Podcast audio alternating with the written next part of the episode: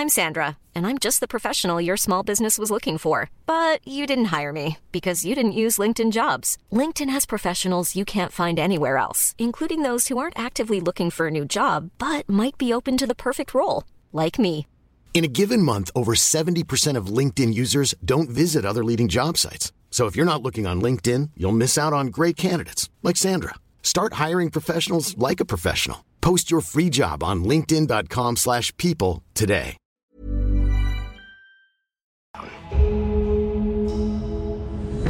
We have a vision for this place. All it needs is young blood. I don't want to live here. This is a chance for people to start fresh somewhere. Somewhere safe. Hey guys. I'm going to give the people what they want sensation, horror, shock. Send them out in the streets to tell their friends how wonderful it is to be scared to death.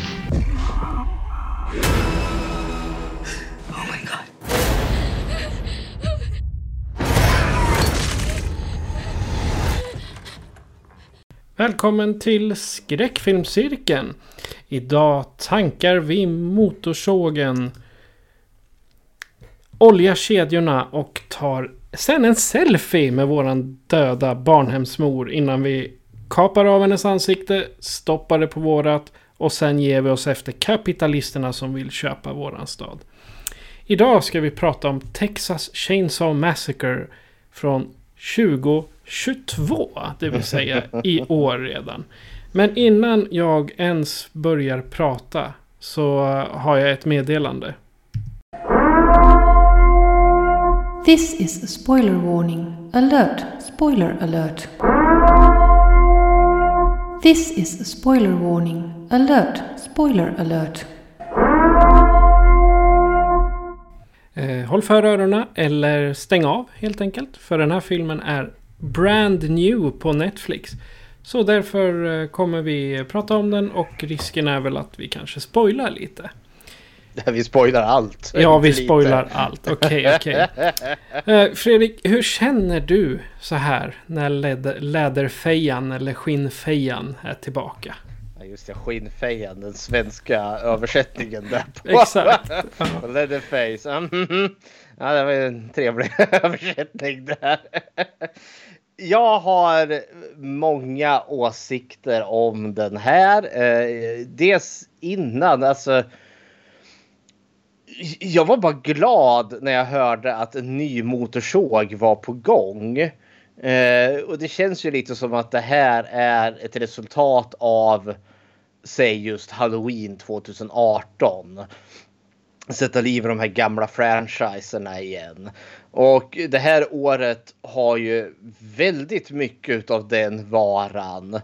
Eh, vi har ju innan här hade vi ju tv-serien Chucky. Eh, Onda dockan är tillbaka igen.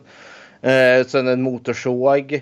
Eh, strax efter den här kom ju Scream igen, Scream 5. Eh, och sen kommer ju Halloween Ends senare i år. Eh, man nystartar Hellraiser i år. Alltså det var bara ett vältrande i de här gamla goingarna. Så jag såg fram emot det bara av den anledningen. Totally. Totally. Sen, alltså Motorsågsmassakern, Texas Chainsaw Massacre franchisen. Är väl den som har varit mest ojämn av dem alla. Det har verkligen varit hits and miss med den här serien. Mer än någon annan som går att jämföra. Ja, Hellraiser har också varit, har kanske haft mest tveksamma vad heter det, bidrag. Men Motorsåg har liksom inte heller riktigt levererat alla gånger. Men eh, jag var lite stoked inför det här och jag var underhålld. Det är inte alla som har varit, men jag kände efter e-, en viss bit in i den här filmen, då kände jag jaha. Jaha, ja okej, det är den här nivån vi ska ligga på. Ja, men okej då. Då kör vi på det då. Och då liksom, ja, då fick det vara bra. Jag har dina eh, känslor inför att eh, Leatherface är tillbaka här. Alltså, när man pratar eh, revival eller eh, remake så. Då kan jag liksom tycka att man ska göra någonting nytt. Och då, jag drar paralleller till eh, remaken av Fredag den 13. Där gjorde de något nytt. Jag säger inte att de gjorde det bra, men de gjorde någonting nytt utav den. Av... Nej, det, vi, behöver, vi behöver inte ta den som exempel, men de gjorde någonting nytt. I det här fallet, det enda nya de gjorde var liksom, ja... Eh, mera kapitalism, mera pengar och mera försök till att reviva en död stad. Det, det är mera det som är idag. Folk har mer pengar, man köper städer och så vidare. Det, det kommer vi till sen. Men... Den är, eh, den är väldigt mycket mer... Känns det ju så som att liksom plocka den från 74, placera den 2022. Exakt. Liksom, liksom modernifierar den så att säga. Just precis som du säger där liksom att samhället har ändrats markant. Och det är på gott och på ont. Men ja. mm, ja, mm, Exakt. mm, ja. Men innan vi börjar eh, med eh, den stora spoilern så tänkte jag vi kan prata lite om vad vi har sett sen sist. Mhm. Och jag hoppas att du har någonting att bjuda på. Jag har lite att bjuda på här. Eller ja, eh, jag har två som vi har sett. Eh, eller som jag har sett. Eh, det var ju fredagen den 13 här rent datummässigt förra veckan. Och då måste man ju klämma en, en Jason där.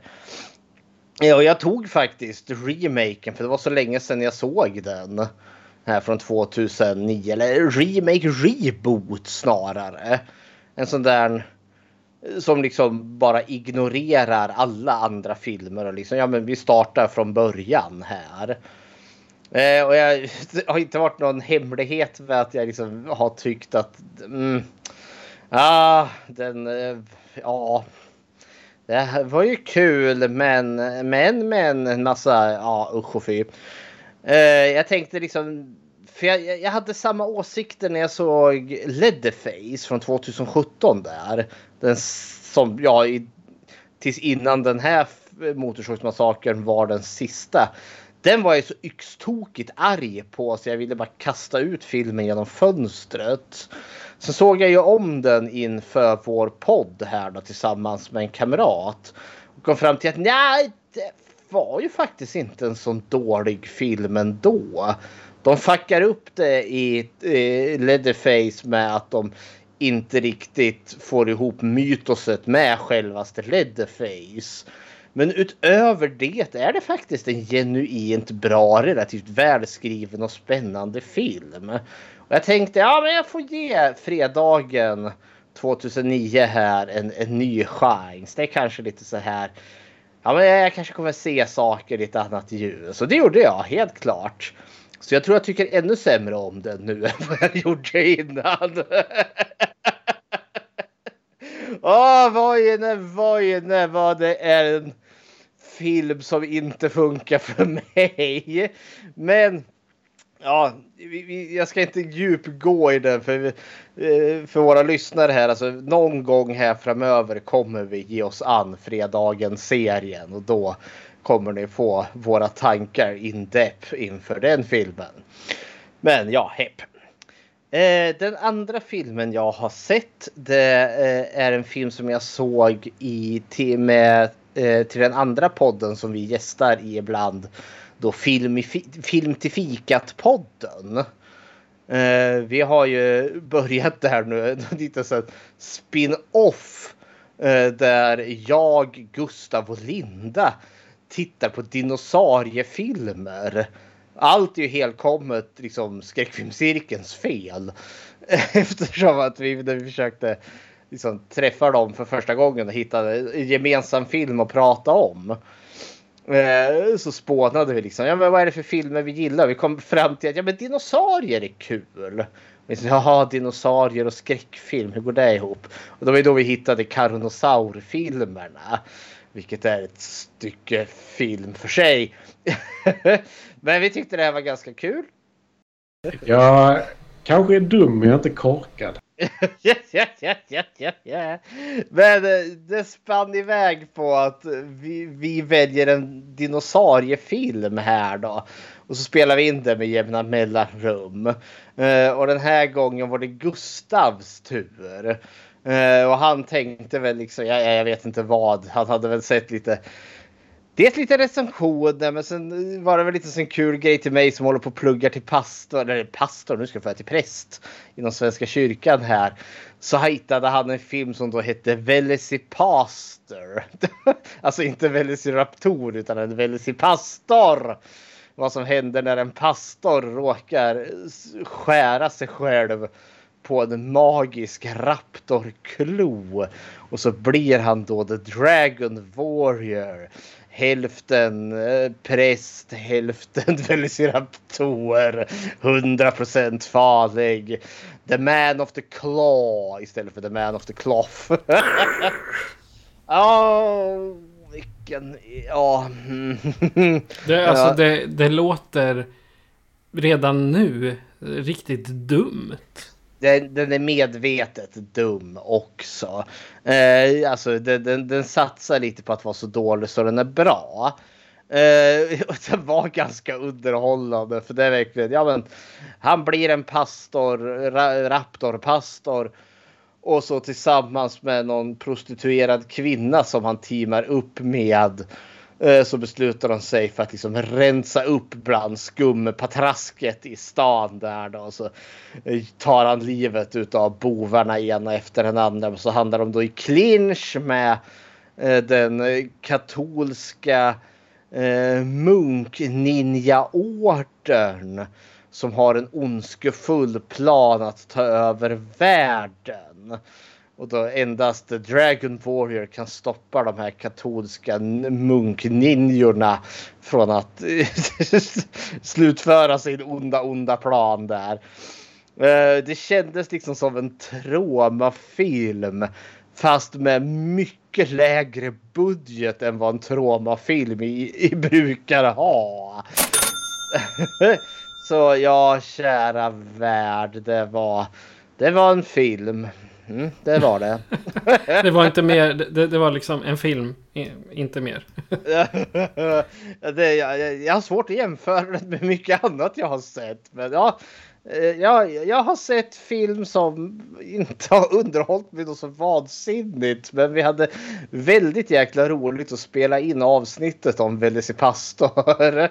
Så det är vad jag har sett. Fredagen den 13 rebooten och Velocipastor. Vad har du sett Patrik? Ingenting. Jag har eh, tittat på dokumentärer om djur. Och om eh, Alexej Navalny. Eh, om... Eh, vad var det mer? Ja, no någonting mer om Ryssland. Men jag har inte kollat på någon skräckfilm överhuvudtaget.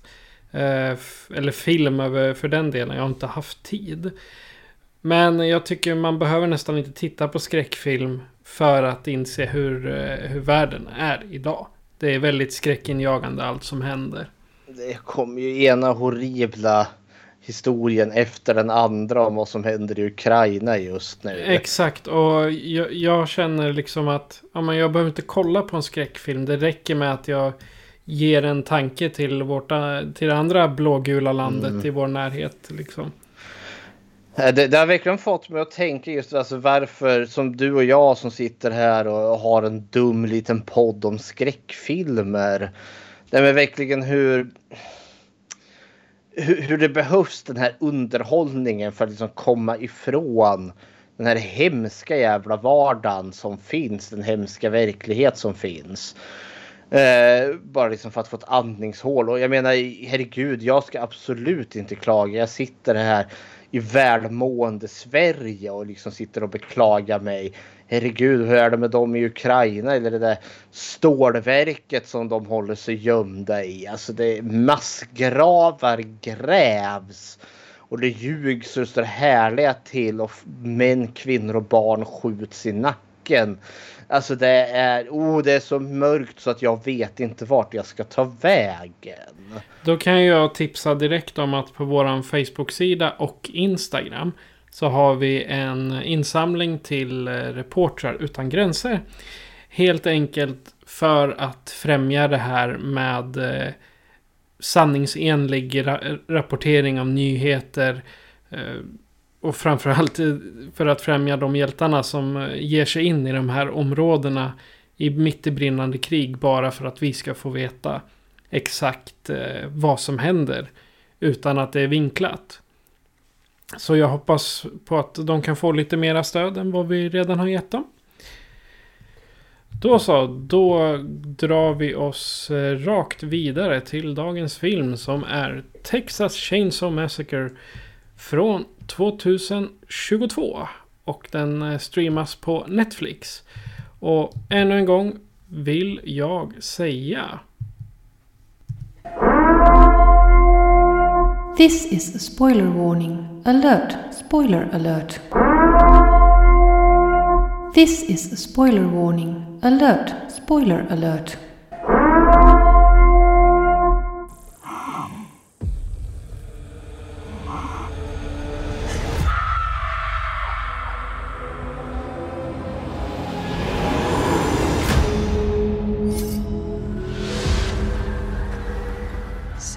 Harlow is a ghost town.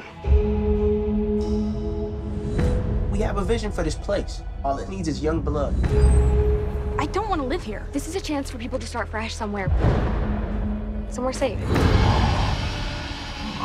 Hey guys, you should see this. What are you doing in our house? You really shouldn't be here.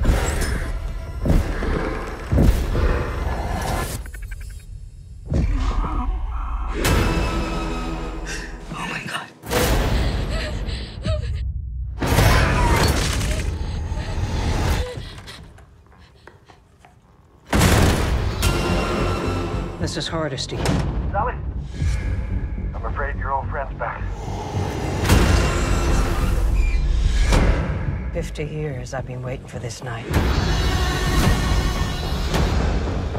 Just to see him again. Who?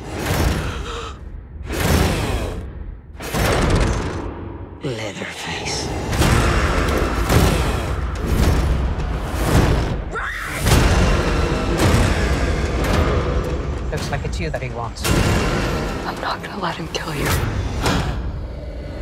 Fear no evil. Fear no evil.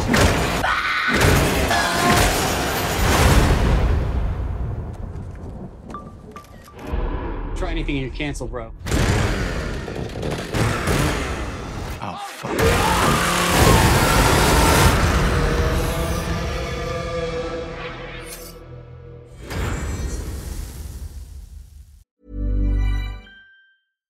Mother's Day is around the corner. Find the perfect gift for the mom in your life with a stunning piece of jewelry from Blue Nile. From timeless pearls to dazzling gemstones, Blue Nile has something she'll adore. Need it fast? Most items can ship overnight. Plus, enjoy guaranteed free shipping and returns. Don't miss our special Mother's Day deals. Save big on the season's most beautiful trends. For a limited time, get up to 50% off by going to Blue Nile.com.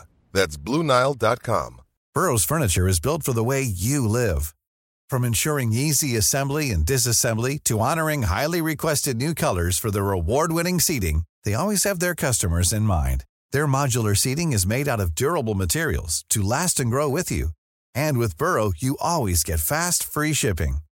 Get up to 60% off during Burrow's Memorial Day sale at burrow.com slash ACAST. That's burrow.com slash ACAST. burrow.com slash ACAST. Efter att ha gömt sig i nära 50 år återvänder Leatherface för att terrorisera en grupp unga vänner som råkar störa ordningen i den avlägsna Texasstaden. Ja, det är den eh, väldigt givande plotten till eh, Texas Chainsaw Massacre från 2022 som streamar på Netflix närmare bestämt. Fredrik, har du några initiala tankar om denna underbara film?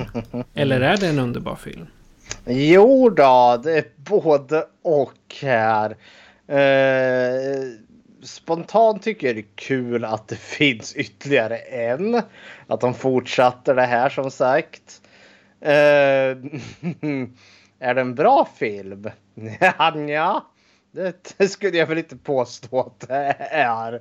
Men hade jag roligt när jag såg den? Ja, det hade jag.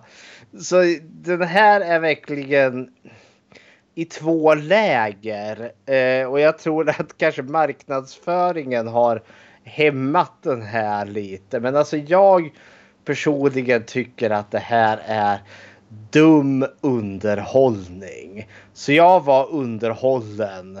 Eh, men det var väl också kanske lite det att ja, lagom, alltså när första mordet i den här filmen sker. Då kände jag jaha, det är på den här nivån vi tänker lägga oss. Ja, okej okay då, men då, då tänker jag förhålla mig därefter.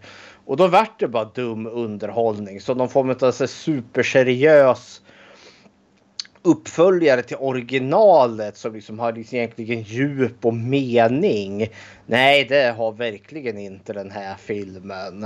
Eh, men det känns ju verkligen som att man har inspirerats av Halloween 2018 som är betydligt mer somber i tonen och betydligt mer läskig.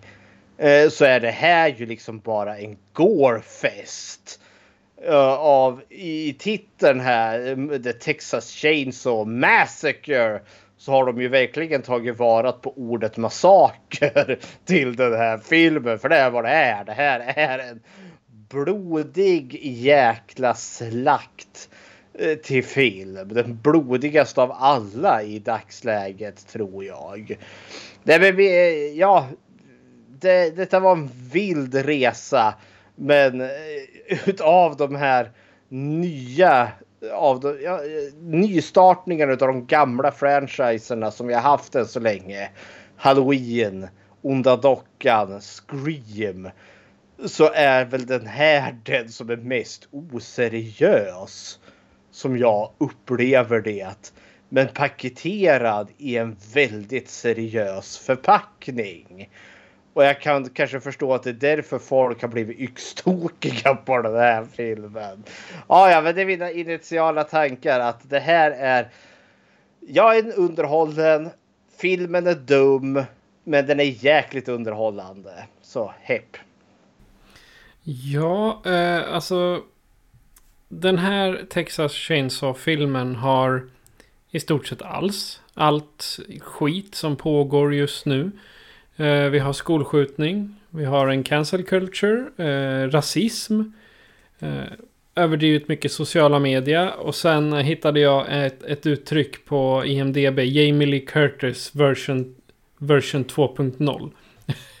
Så. Eh, men... Eh, och jag, jag är inte förvånad över att Legendary Pictures sålde filmen till Netflix. För de visste att om den skulle släppas ut på bio så skulle deras namn vara totalt förstört. Liksom för all framtid. Och jag skulle ju tro att det kommer bli riktigt svårt att få tillbaka en produktionsbudget om de släpper den på bio. Det här är liksom, det är som gjort för streaming både av kvalitet och eh, tanke. Jag tycker liksom den här filmen är lite vad ska man säga? Det är en, en Scream-film med eh, Jamie Lee Curtis i ungefär. Larvig som Scream och blodig som Halloween. Så att jag är... Nej, jag... Jag, jag ska citera eh, en, eh, en recension som jag läste. Boring, lame, unoriginal. Det är mina åsikter initialt om eh, Texas Chainsaw Massacre från i år. Ja, när det gäller karaktärer så är den här relativt eh, en, en, ganska stor cast som är central. Ja, jag vet inte det. Alltså vi har ju... Alltså från början kan man ju säga. Vi, vi har ju en jätteensemble men majoriteten är ju kanonmat eftersom att kill countet i den här filmen är ju enorm. Ja. Men alltså våra två centrala figurer är ju Melody och Lia. Och sen är det väl Dante.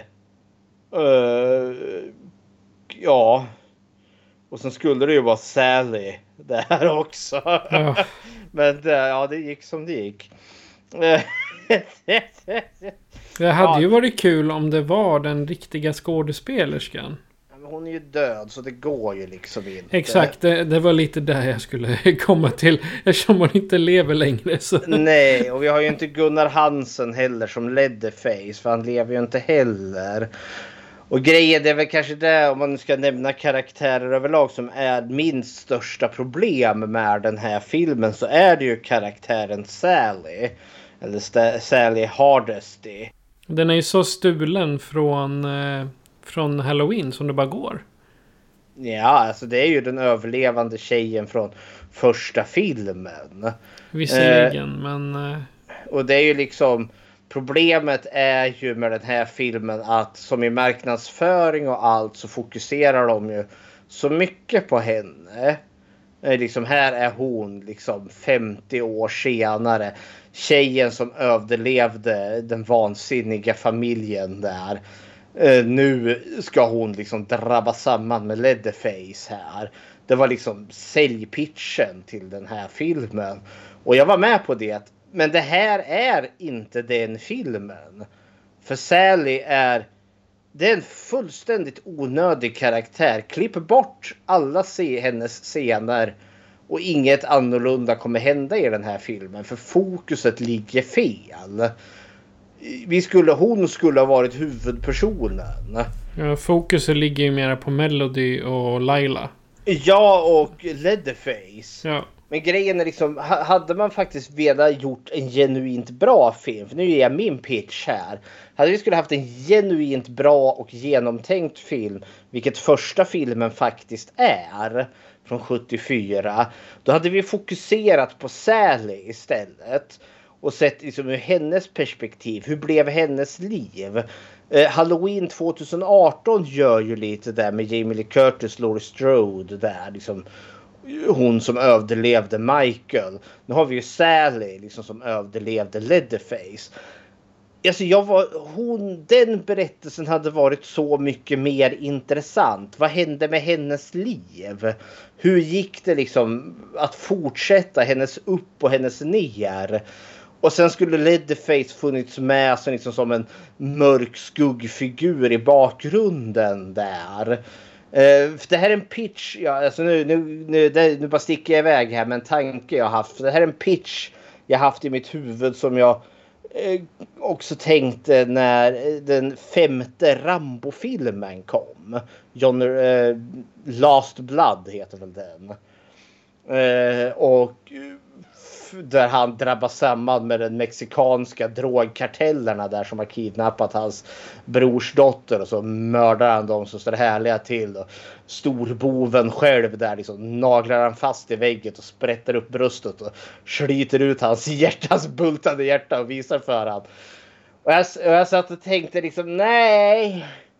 Så jävla, mm, vi har bara sett det här förr. Det är samma skit, det är samma liksom skåpmat.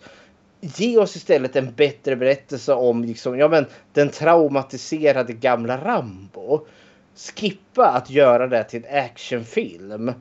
Likaså här med Texas Chainsaw.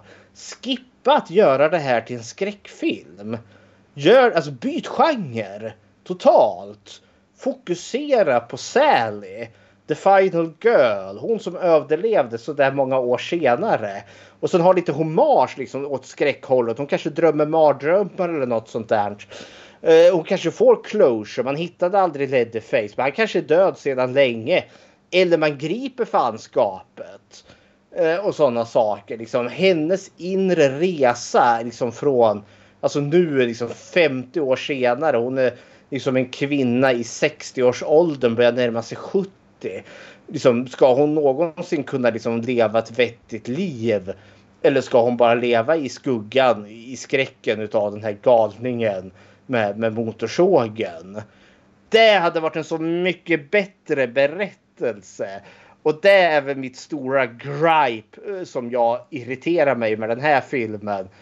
Att man pitchar så jävla hårt. Åh, hon är tillbaka! The final girl från första filmen. Hon tillför inte filmen ett skit för filmen handlar inte om henne. Hon är verkligen bara en sidokaraktär som kommer in och ställer till det i slutet, eller närmare slutet. Och Leatherface kör motorsågen genom henne.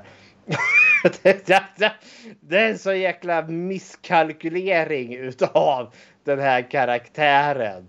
Och just det jag känner att det finns en berättelse här som vi nu inte får för de sjabblar bort den så in i helvete.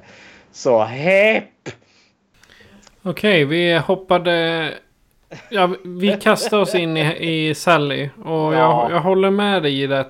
Hon, hon är egentligen bara den trasiga varianten av Laurie Strode.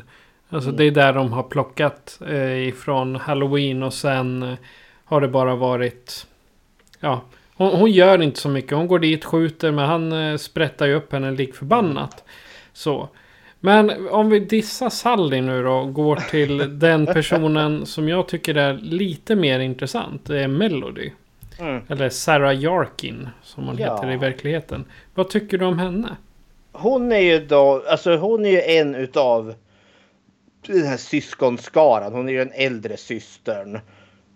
Eh, till Laila där som är den yngre systern där. Eh, och eh, jag ska ge det här för liksom, när jag nämnde liksom innan här att vi har väldigt få karaktärer i en jätteensemble. Det är väl just att Melody och Laila är väl typ de enda som har någon form av karaktärsark i de här filmen. För hon börjar jäkligt snorkig. Oh vilken jävla entitled skithög hon är till människa. Som måste liksom kommentera när de är på den där bensinstationen och han Ja vad heter han nu? Richter eller Reich- Reichter eller vad han nu heter.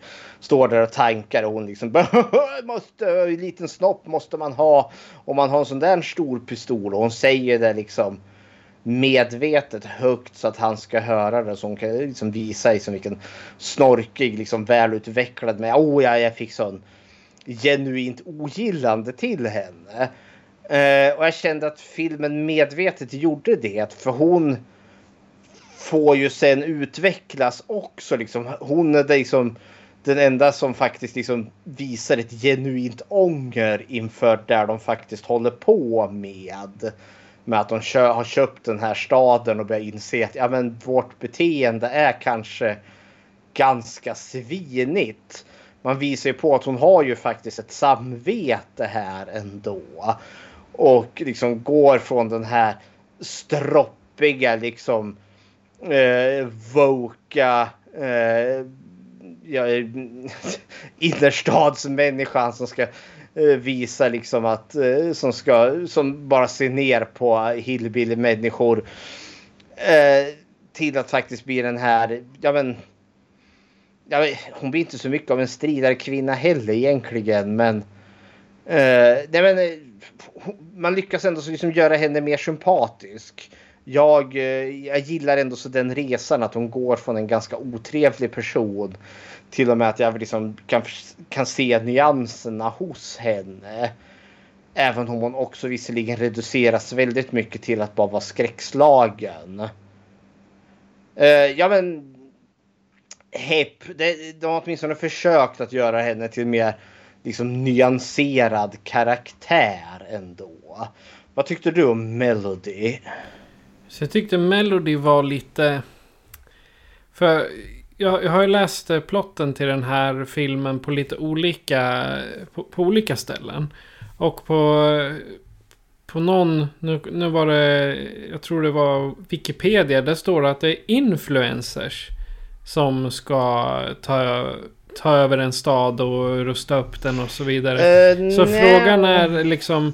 Vad, vad syftar man till med influencers? Men som jag förstår det så är det hon och hennes kille Dante då som har någon form av restaurang eller något liknande. De vill ju liksom öppna upp eh, affär, affärsverksamheten i den här stan. Alltså, ja, det, det de gör är väl något som kallas för gentrifiering. Alltså de köper upp de har ju köpt upp den här Harlow, den här lilla staden. Som i stort sett är en spökstad och sen ska de ju sälja den. Alltså det ska ju bli någon form av nisch. Alltså folk är ju där och köper byggnaderna för att de ska starta affärsverksamhet här. Och de är ju en av dem som har den här affären, eller den här restaurangen. Eh, och de ska ju starta liksom ett stort affärsföretag här. Så det är, lite som att de försöker skapa en, eh, en egen utopi. Här, Ja, att de, de ska ja. rusta upp en förfallen stad och göra den till eh, där människor kan komma bort som de eh, behöver. Ja, men jag tänker att de ska göra sig ett, ett resource, alltså ungefär som en, du ska kombinera, alltså en köppark. Alltså Mall of Scandinavia fast här i Texas då. Eh, och just det här gentrification eh, var väl också en del av det här budskapet den här filmen försöker ha som de schabblar bort lite. För staden är ju en spökstad. Det visar sig att det är ju bara det här barnhemmet som finns kvar där eftersom att ja, Leatherface måste ha någonstans att bo. Eh, eh att eh, det hade varit bättre om det fortfarande bodde folk här. Och man fick se hur de här liksom Alltså clashen med kulturen liksom att vi hade kanske mer spunnit på det liksom att de verkligen tvingar folk ifrån sina hem liksom. Hörru du jävla bondläpp. Nu sticker du härifrån. Eh, och liksom för vi, jag ska ändå, vi ska bygga företag här. Vi är framtiden. För man väljer ju verkligen att göra det med att de har sina mobiltelefoner. De har sin jävla Tesla-bil där. De är så jävla rika och liksom i, i otakt med ortsbefolkningen. Det lilla vi får se utav dem. Tesla-bil som dessutom är självkörande. Jajamens, alltså vi förstår ju liksom att det här pengar finns. Ja, de, alltså, jag, jag fattar inte riktigt. Den restaurangen de har haft. Med andra ord måste den ha gått förbaskat bra. Ja. Om det nu är så att de har pengar nog att köpa upp en hel stad. Eller så är det inte själva staden. De köper upp byggnaderna i staden. Som har liksom blivit eh, övergiven typ. Mm. För de Ja, säger det- ju också vid ett tillfälle att jag hoppas du har ägarpapprena. Ja men det är ju för de har ju köpt eller de har ju fått banken att de har köpt den utav bankerna som äger de här byggnaderna så har ju de köpt boloven eller vad det heter och det är där konflikten kommer igång när barnhemmet som finns där. Då de är så övertygade om att de äger ju rättigheter, att de äger hela jävla staden för de äger varenda byggnad. Vilket visar sig i slutändan att det stämmer ju inte för de har ju inte den här barnhemmet. Men de kickar ju ut den här äldre kvinnan. Och det blir ju lite, ja, den springande punkten som får Leatherface att tilta här.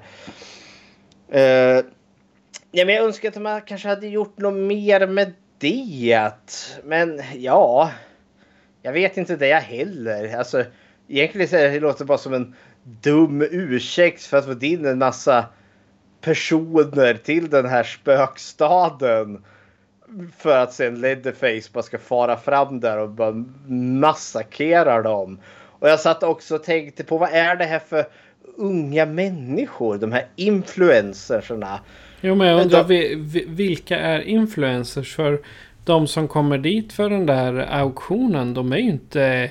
Det är ju vanliga affärsinnehavare eller folk som ska utveckla sin eh, affärsverksamhet just där i den staden. Det det tänker också för jag undrar vilka de här är. För man porträtterar ju dem verkligen som att det är den här Ja men det är TikTok-generationen som kommer där med sina gör ducklips mot, mot kameran. Ja. Där. YOLO, oh.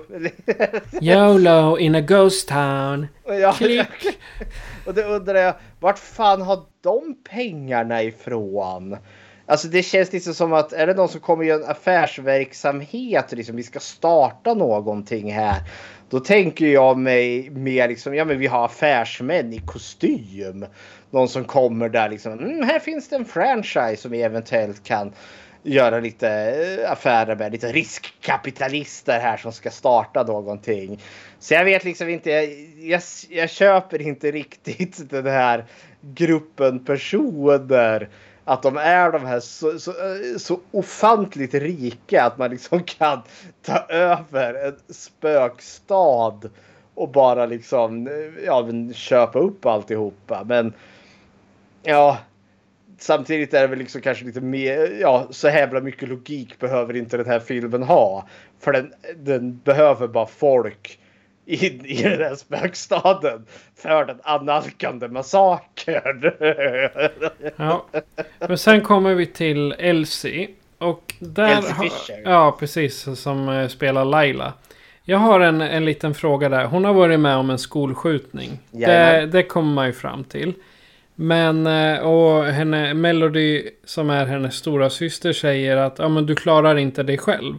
Lagom eh, nedvärderande mot en ung tjej. Mhm. Men eh, vad är det som gör att hon måste hänga efter Melody? Var är hennes föräldrar? Jag fattade inte riktigt var de hade tagit vägen. Jag tänker de kanske inte finns med i bilden längre. Säg att de är borta döda då. Eh, för jag tolkade ju också att Melody här är onekligen Eh, jätteöverbeskyddande till Laila på grund av den här skolskjutningen som hon har varit med i. Så pass att Laila har blivit pacificerad. Eh, Melody verkligen hovrar över henne som en helikopter.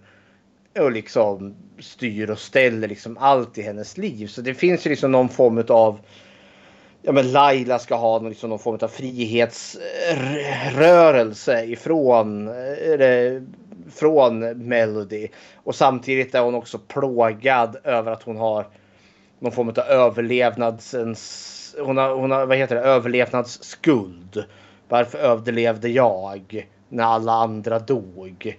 Hon säger ju det i, till han Richter. Uh, att ja, men hon känner ju liksom att alla förväntar sig att hon ska göra någonting. För hon var ju den här lyckliga som överlevde. Men hon känner liksom bara att hon håller på och kraschar. Hon är bara ett fett misslyckande. Så det här som är det perplexa med den här berättelsen. För det finns verkligen ett genuint spännande drama som man bygger upp här. Det här systraskapet.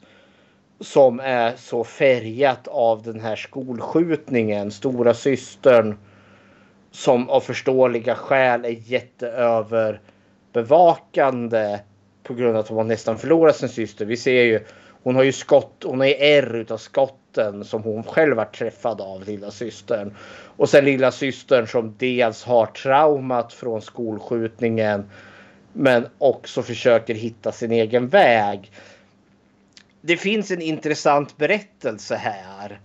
Men det leder ingen vart. Det är inte direkt som att vi får någon att det här kommer in i spel på något vis och vänster under filmens lopp när, liksom, när kampen mot Leatherface blir på riktigt. Alltså när vi får nästa massaker. Eh, när han slicear upp bussen där. Alltså man hade kunnat spela det där på något annat sätt för Laila ligger där och har en flashback till skolskjutningen. Melody panikar. Det hade det varit liksom ett bättre skrivet manus här då hade man kanske gjort att det här då stora systern fullständigt ballar ur när Leatherface bara håller på massakrerar alla där på bussen. Men det är då Laila kickar in. Hon har varit med om det här förr. Nu måste hon agera för förra gången så låg hon bara still och stirrade i backen medan skytten gick omkring och massakrerade hennes vänner. Nu är det dags för Laila att gå till handling och rädda sin stora syster där. Bli, alltså bli proaktiv, bli smart och på något vis och vänster antingen eh, avleda Leatherface eller tillfälligt besegra honom. Men vi får inte det. Att istället är det liksom mer skrikande tjejer i, de låser in sig på toaletten där och lyckas med nöd och näppe ta sig undan honom. Så det... Jag känner att man, alltså det är ett svagt manus. För de har introducerat någonting som att här borde vi få en karaktärsresa. Men vi får inte riktigt det för de sjabblar bort lite. ja, är vad jag tycker. Jag är ju absolut ingen jävla filmexpert, men jag känner liksom att det kommer aldrig till spel, alltså det här som de ändå så har introducerat. Ja, vad tycker du Patrik? Nej, som jag, som jag sa eh, innan att eh, jag tycker hon är väldigt trasig. Men mm. jag tycker också att hennes eh, syster håller tillbaka henne lite väl mycket. Ja. Det är för problemet med att ha varit med om ett trauma. Hashtag amatörpsykolog. Men eh, ofta när man eh, på film eh, visar upp en person som har varit med om ett trauma. Då är risken att man visar en eh, slak eh, lina. Liksom. De är bara en... De har, de har gett upp, de har blivit deprimerade och kanske rent av självmordiska. Liksom. Men i, i det här fallet så Laila är ju faktiskt tuff. Tuffare mm. än vad man tror. Men att eh, Melodisen kastar i ansiktet att du klarar inte, du klarar inte, klarar inte själv. Du klarar inte Nej. att ta hand om dig. Och då är ju frågan liksom.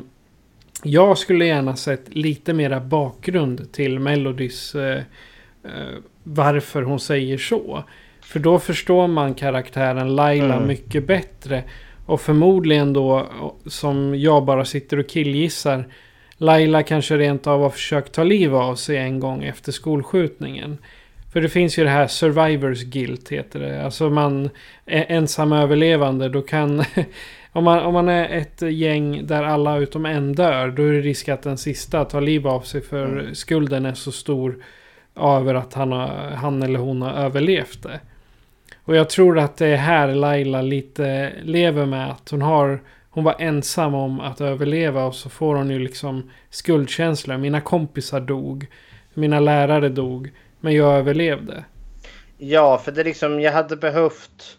För det, för det, det, är, det är precis som du säger där och Melody håller också Laila, alltså medvetet trycker tillbaka henne liksom för att nej men du är så skör, du kan ingenting göra, du kan inte ta hand om dig själv. Och det är också för att hon är liksom så i ett enormt överbeskyddande. Eh, så därför hade det kanske också varit mer lämpligt att Laila blir liksom den här starka krigarkvinnan i slutet. För att rädda både Melody och besegra Leatherface i slutet när det verkligen gäller. Som blir det, ju inte där. Det är det som är så nej, himla tråkigt. Och det är liksom Uh, alltså för de bygger ju upp emot det liksom. För det blir ju visserligen bara Laila och Leatherface kvar. Jag måste erkänna att jag varit lite pump där. När hon ska gå upp och liksom göra upp med honom en gång för alla där på den här trasiga biografen. Jag tyckte nu, nu, nu, nu blir det spännande här. Men den där slutstriden, nej, den, hmm, den lämnade lite att önska. Eh, och det blir ju inte heller Laila som besegrar honom utan det blir ju Melody som klipper han med motorsågen där. Det kan vi ju prata lite mer om när vi kommer till eh, hotet. Ja. Gå in lite mer på det. Alltså Laila och Melody är nog de karaktärerna som har en... En... Eh, någon form av, alltså jag säger karaktär. Karaktär. Mm. De andra eh, kan jag tycka är lite... Eh, det finns, alltså de, majoriteten är ju ganska... Vi har ju som han Dante exempelvis. Han är ju liksom ganska douchig karaktär. Eh, och sen dör han. Eh, sen har vi andra karaktären Katrine.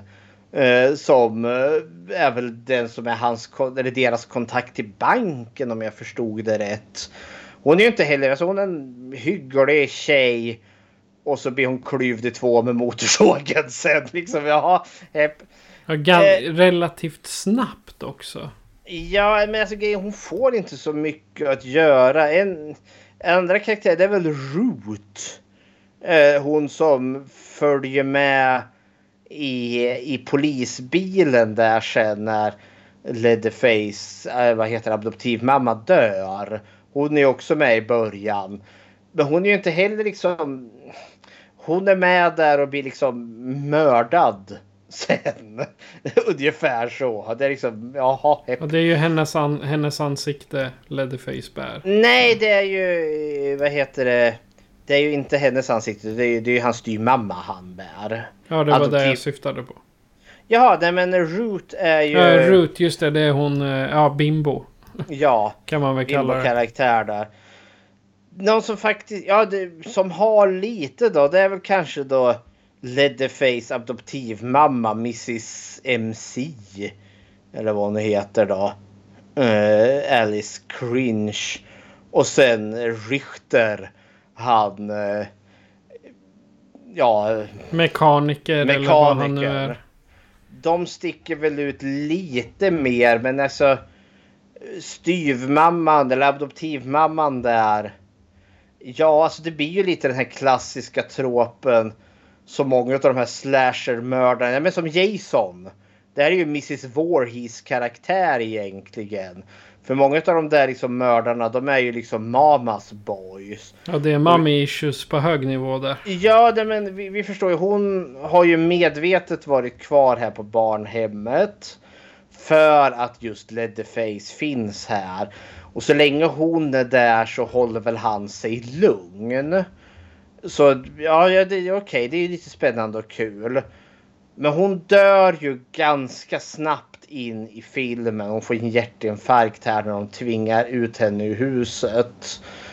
Uh, och när hon dör, det är ju då Leatherface går bärsärk här sen eh, Richter, mekanikern. Han blir ju liksom den här udda människan om man nu jämför med de här andra kapitalistkillarna och tjejerna. För han är ju lite mer, ja men han är ju Texasbon där som spottar i händerna och har olja och skit på byxorna och tröjan. Eh, men man målar ju också upp honom lite för att vara den här stereotypa rasist-rednecken som är liksom som de misstolkar. För han är ju lite mer en hygglig människa.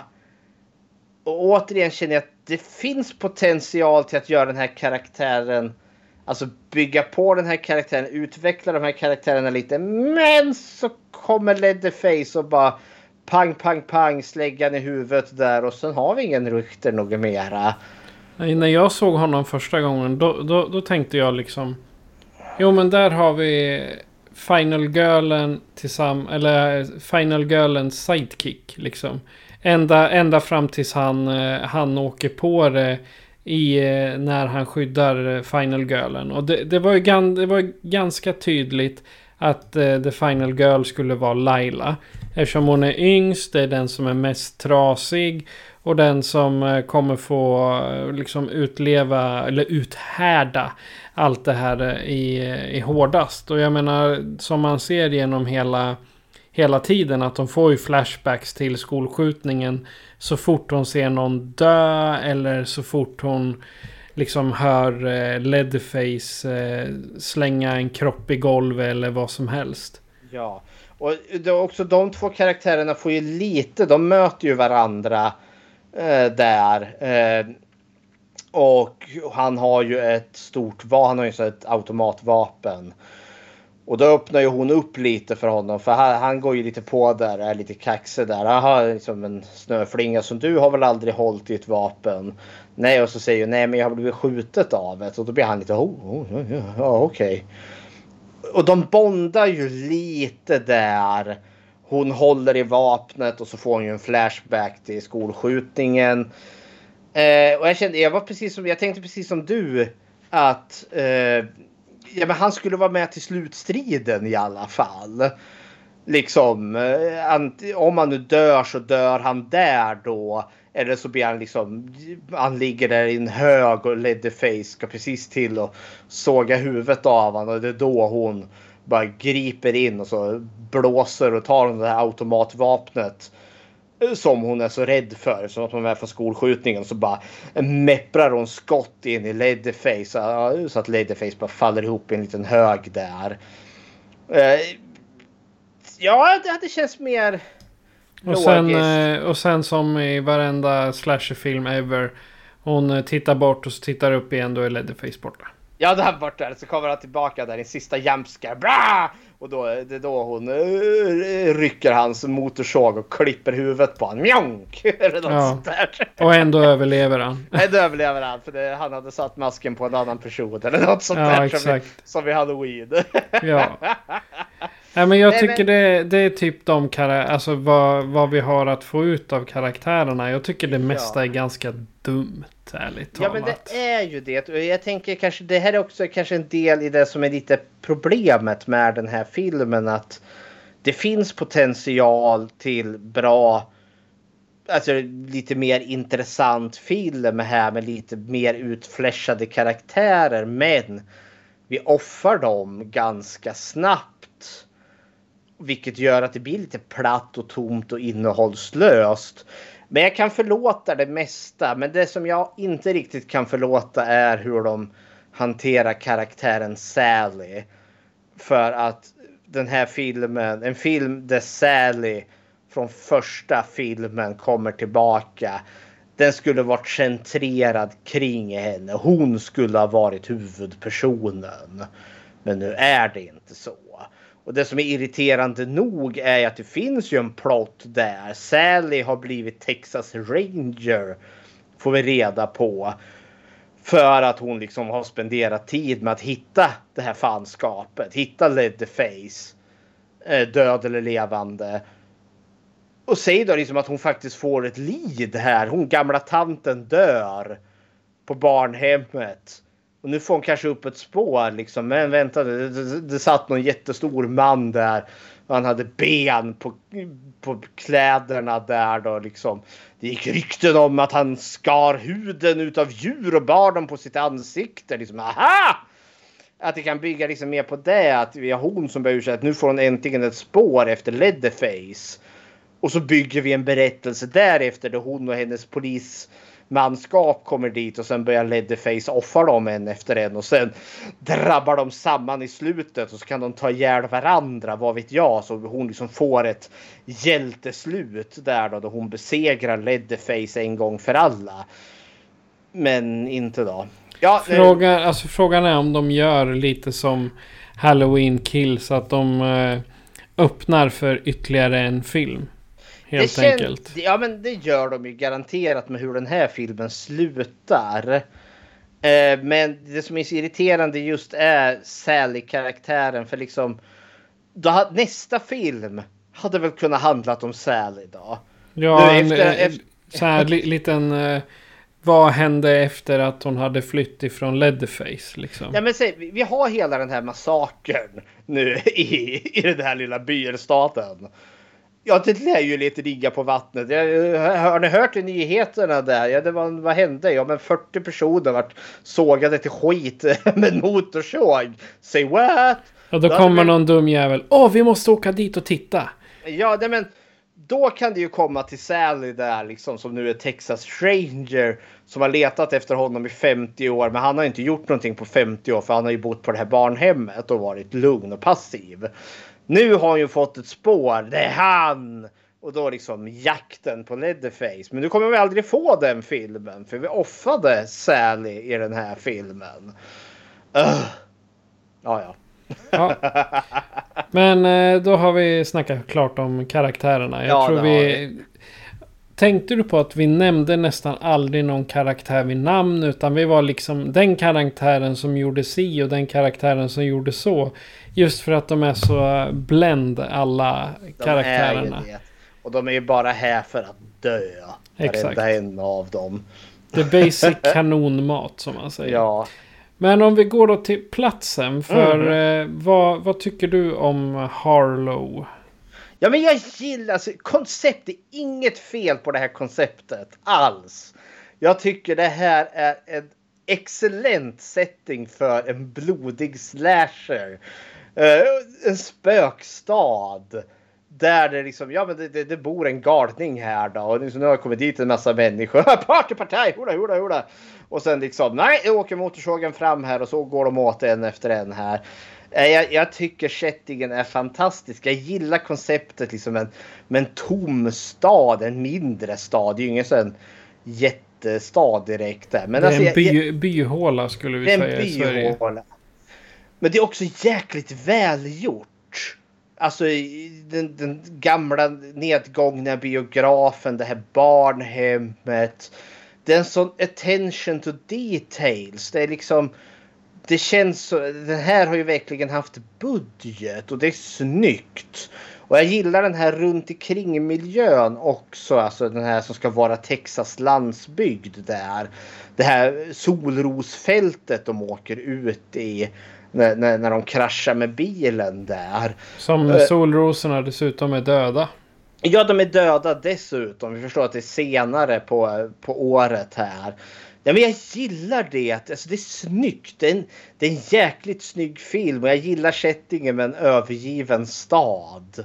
Eh, vad tycker du om eh, alltså, platsen vi är på? Jag gillar staden. Jag, jag- alltså jag tycker det ser ut lite som en sån här... eh, Du vet de här... eh, Typ High Chaparral-ish städerna. det, det är liksom en känsla av att de har tagit en sån för att bygga upp en...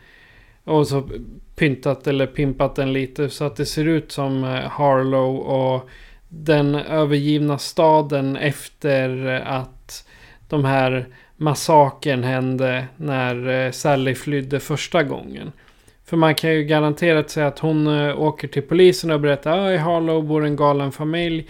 De försökte mörda mig. Eh, det är de och de. Okej, och så blir Harlow känt för nyheterna läser ju folk fortfarande. Och ungar är ju dumma som ungar är och då åker de dit för att eh, undersöka. Och på, på det viset så är jag också förvånad till varför Harlow existerar i den formen det gör i början på den här filmen.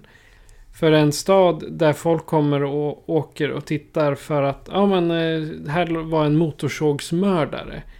Jag menar turistindustrin borde ju liksom spira bland, bland dem. Men Jag- jag- icke. Jag tror dock inte att Harlow är platsen för skådespelet i första filmen.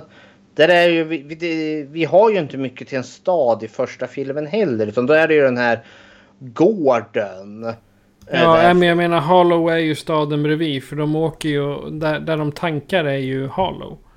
Ja, det lär det ju. Det kan inte vara allt för långt bort. För i post-credit-scenen får vi ju se när Leatherface kommer tillbaka till eh, alltså gården i första filmen där. Så eh, han vandrade väl iväg efter händelserna i första filmen där. Och, eh eh, eh, eh, den måste väl ändå så på sin höjd vara några mil bort ifrån gården i första filmen tänker jag. Så ja, hepp hepp. Ja, ja, sak samma. Men jag, jag gillar hur staden är uppbyggd. De har verkligen lyckats få till den övergivna staden med några tappra själar som bara bor, Ja, men- bor kvar. Och det märks ju verkligen att produktionen finns här. För det här liksom scenbygget med den här trasiga staden Harlow. Eller övergivna staden som verkligen är väderbiten. Det är snyggt. Jag tycker det är jäkligt snyggt hela den här filmen. Och den har liksom den här smutsiga nedgångarna till sig. Jag gillar det verkligen. Alltså looken i den här filmen är, är väldigt eh, top notch. Eh, så ja, den har liksom, det, det, det är en snygg film. Det rent scenografiska, ja, det, det är on point. Ja, de har, alltså de har plus för det scenografiska men minus för det de kallar för handling. ja, men eh, ska vi prata?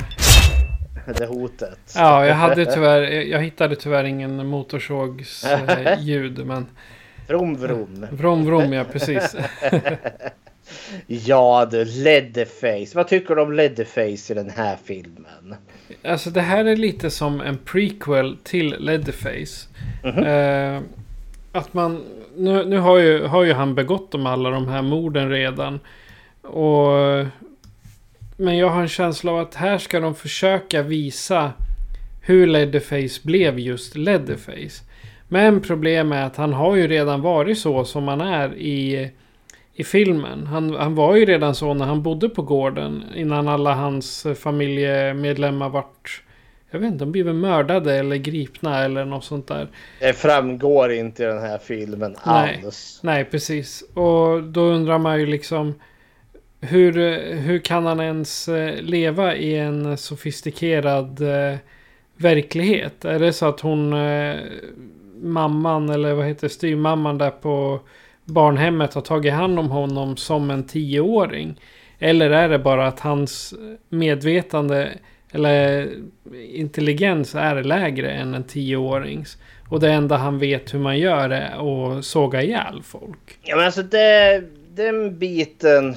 Det är ett väldigt hål ska jag Ja säga. det är det. Men alltså den biten tror jag väl verkligen att Leatherface klarar inte sig själv.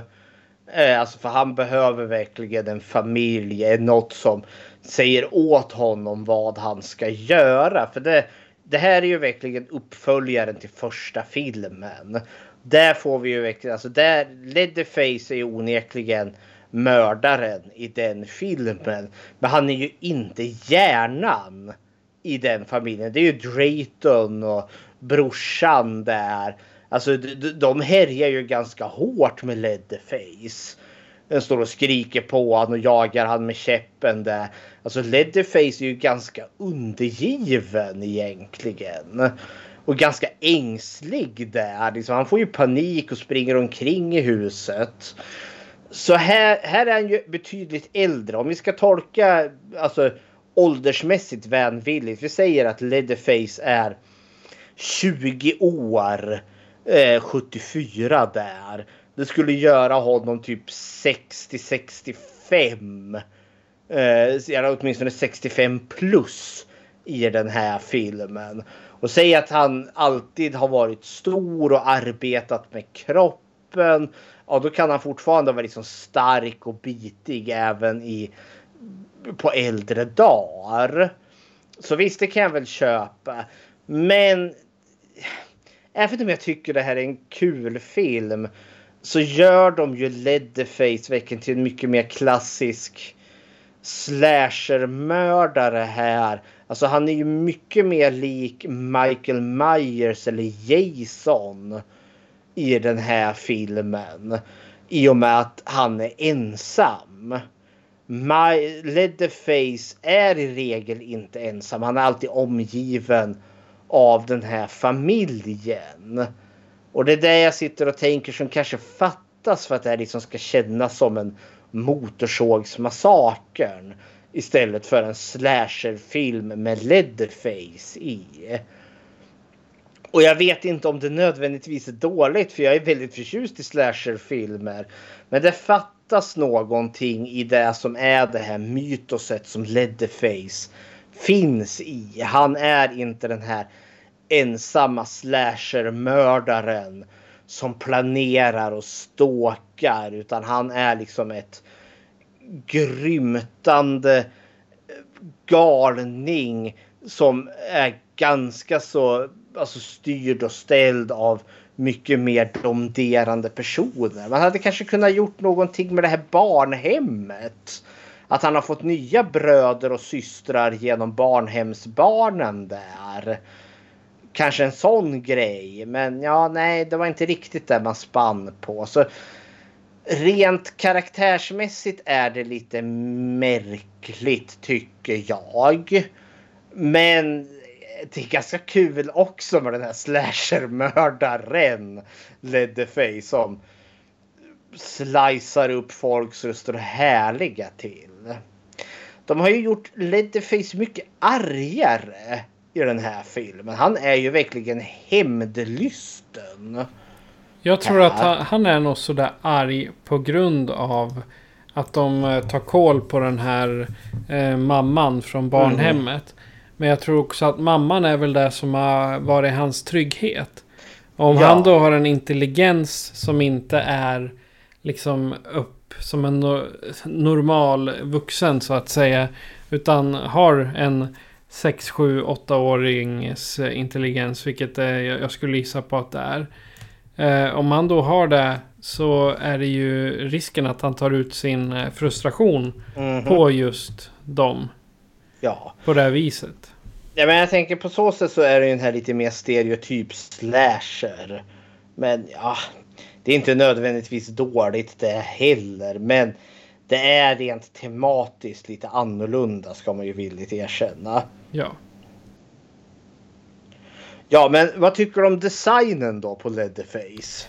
Eh, tyvärr så var ju inte jag riktigt eh, nöjd med hur, eh, hur Leatherface är framme där. Jag tycker det är lite... Eh, nej, jag tycker nog att man eh, kunde eh, strunta i eh, den här... Det, det faktum att han låter så mycket. För det gör, i, i första filmen då låter han ju bara...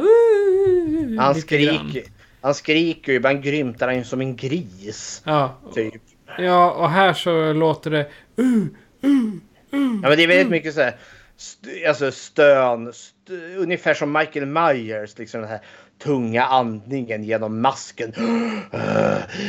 Och det är liksom väldigt mycket så här grymtande när han liksom svingar sin slägga här. De gör ju honom till en betydligt mer skrämmande karaktär. Ja. Och det känns också som att han har blivit större i den här filmen. Han är typ två huvuden större än vad Gunnar Hansen som spelade Leatherface i första filmen var. Jo, men det är, det är mycket möjligt att han är så mycket större. Ja, jo, hej hopp. Det skulle inte förvåna mig. Men alltså...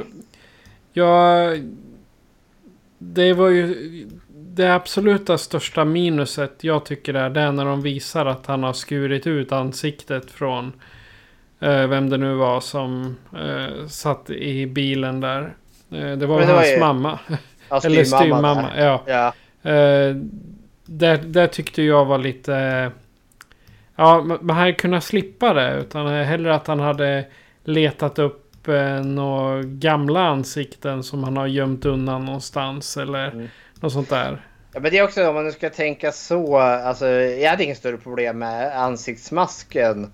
Det hör ju lite honom till. Men eh, något jag störde mig på var att han grävde fram sin gamla motorsåg. Som han har inmurad i väggen där. Och det var Och han tillräckligt intelligent för att veta. Ja, ja, men det är väl han som har gömt den där tänker jag. Och att den funkar ungefär 50 år senare. Efter att ha stått där i väggen där då. Alltså nu är ju frågan om den har stått just i väggen i 50 år.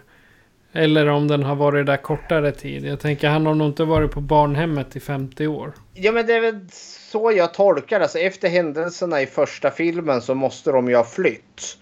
Eh, Eftersom att Sally kom undan. Och sen har ju han sen 74 till 2020 varit på det där barnhemmet.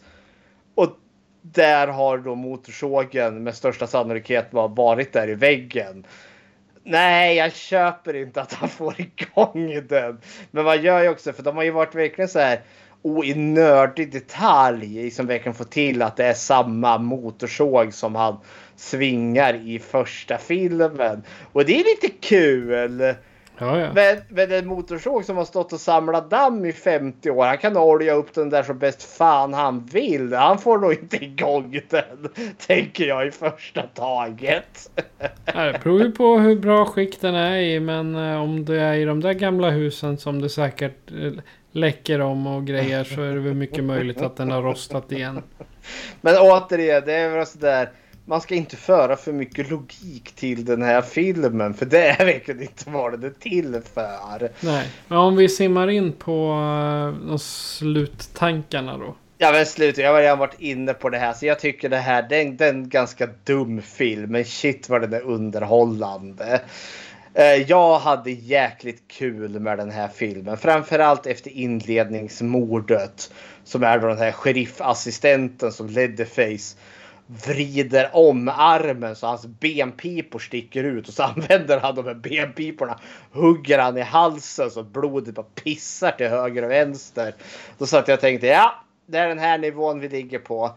Då tänker jag lägga mig därefter. Och jag tänker lite, det är lite så motorsågsfilmerna har varit. Alltså det är bara första filmen egentligen som är mer ett psykologiskt skräckdrama. Alla andra filmer har ju varit liksom mer fokus på blod. För det var väl egentligen den enda väg man kunde gå. Eh, så eh, att den här...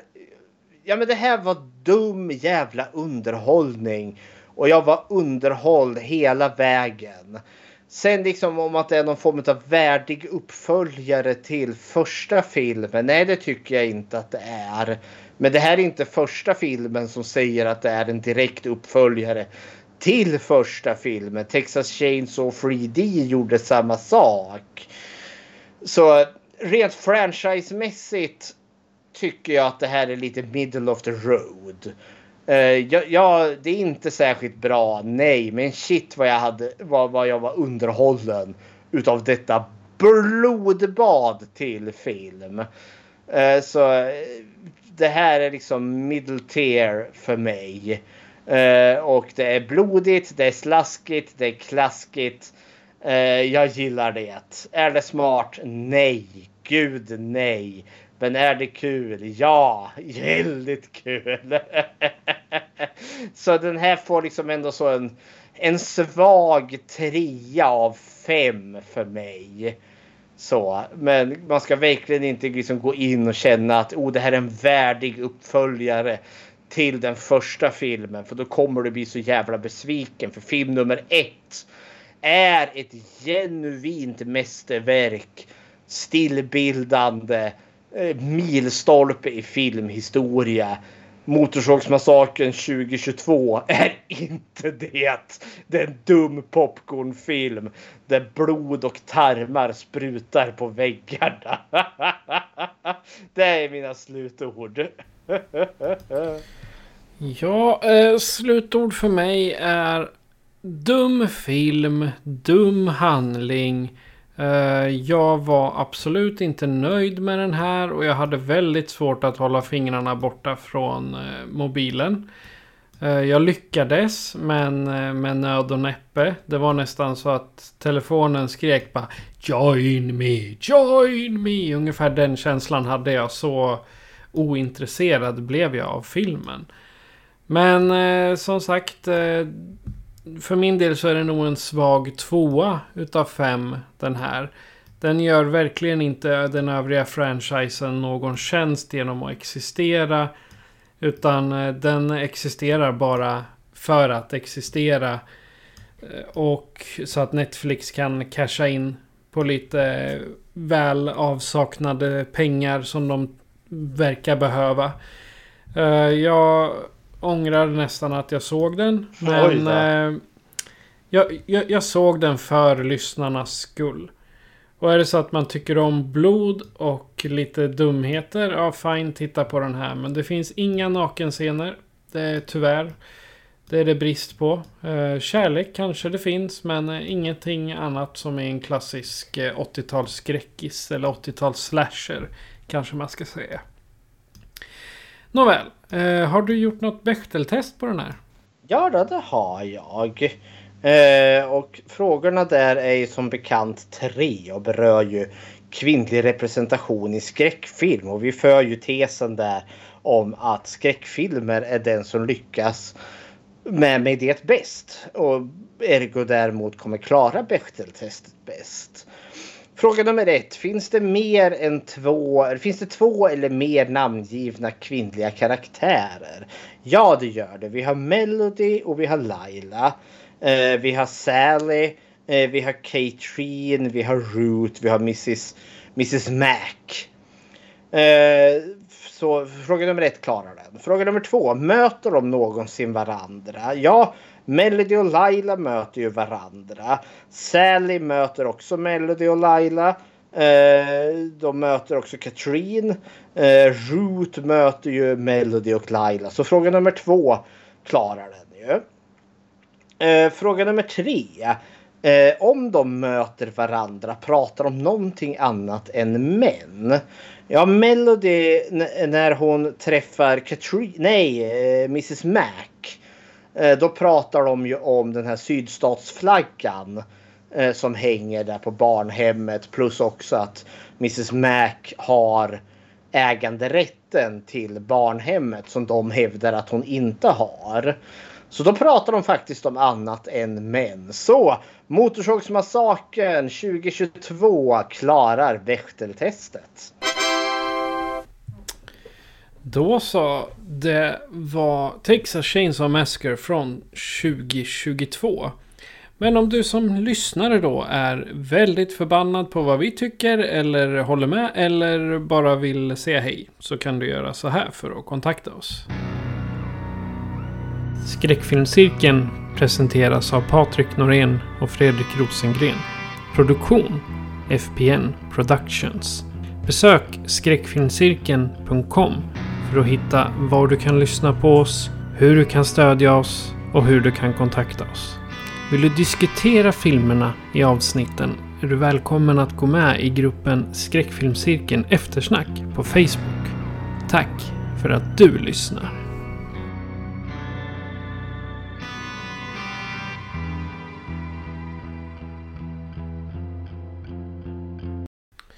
Och Fredrik, vad bjuder vi på nästa gång? Då går vi in i ett årtionde tänker vi att vi tar oss en liten titt på. Och det brukar vara det årtiondet som skräckfilmsentusiasterna säger var det årtiondet då de, alla de bästa skräckfilmerna gjordes. Vi ska in i det ljuva 80-talet. 80-talet, var tog du vägen? Och vi ska se filmen Night of the Creeps från 1986. Mycket, mycket trevlig film. Men eh, då har vi egentligen bara en sak kvar att säga och det är att eh, jag heter Patrik. Och jag heter Fredrik. Du har lyssnat på Skräckfilmscirkeln. Adjö på er.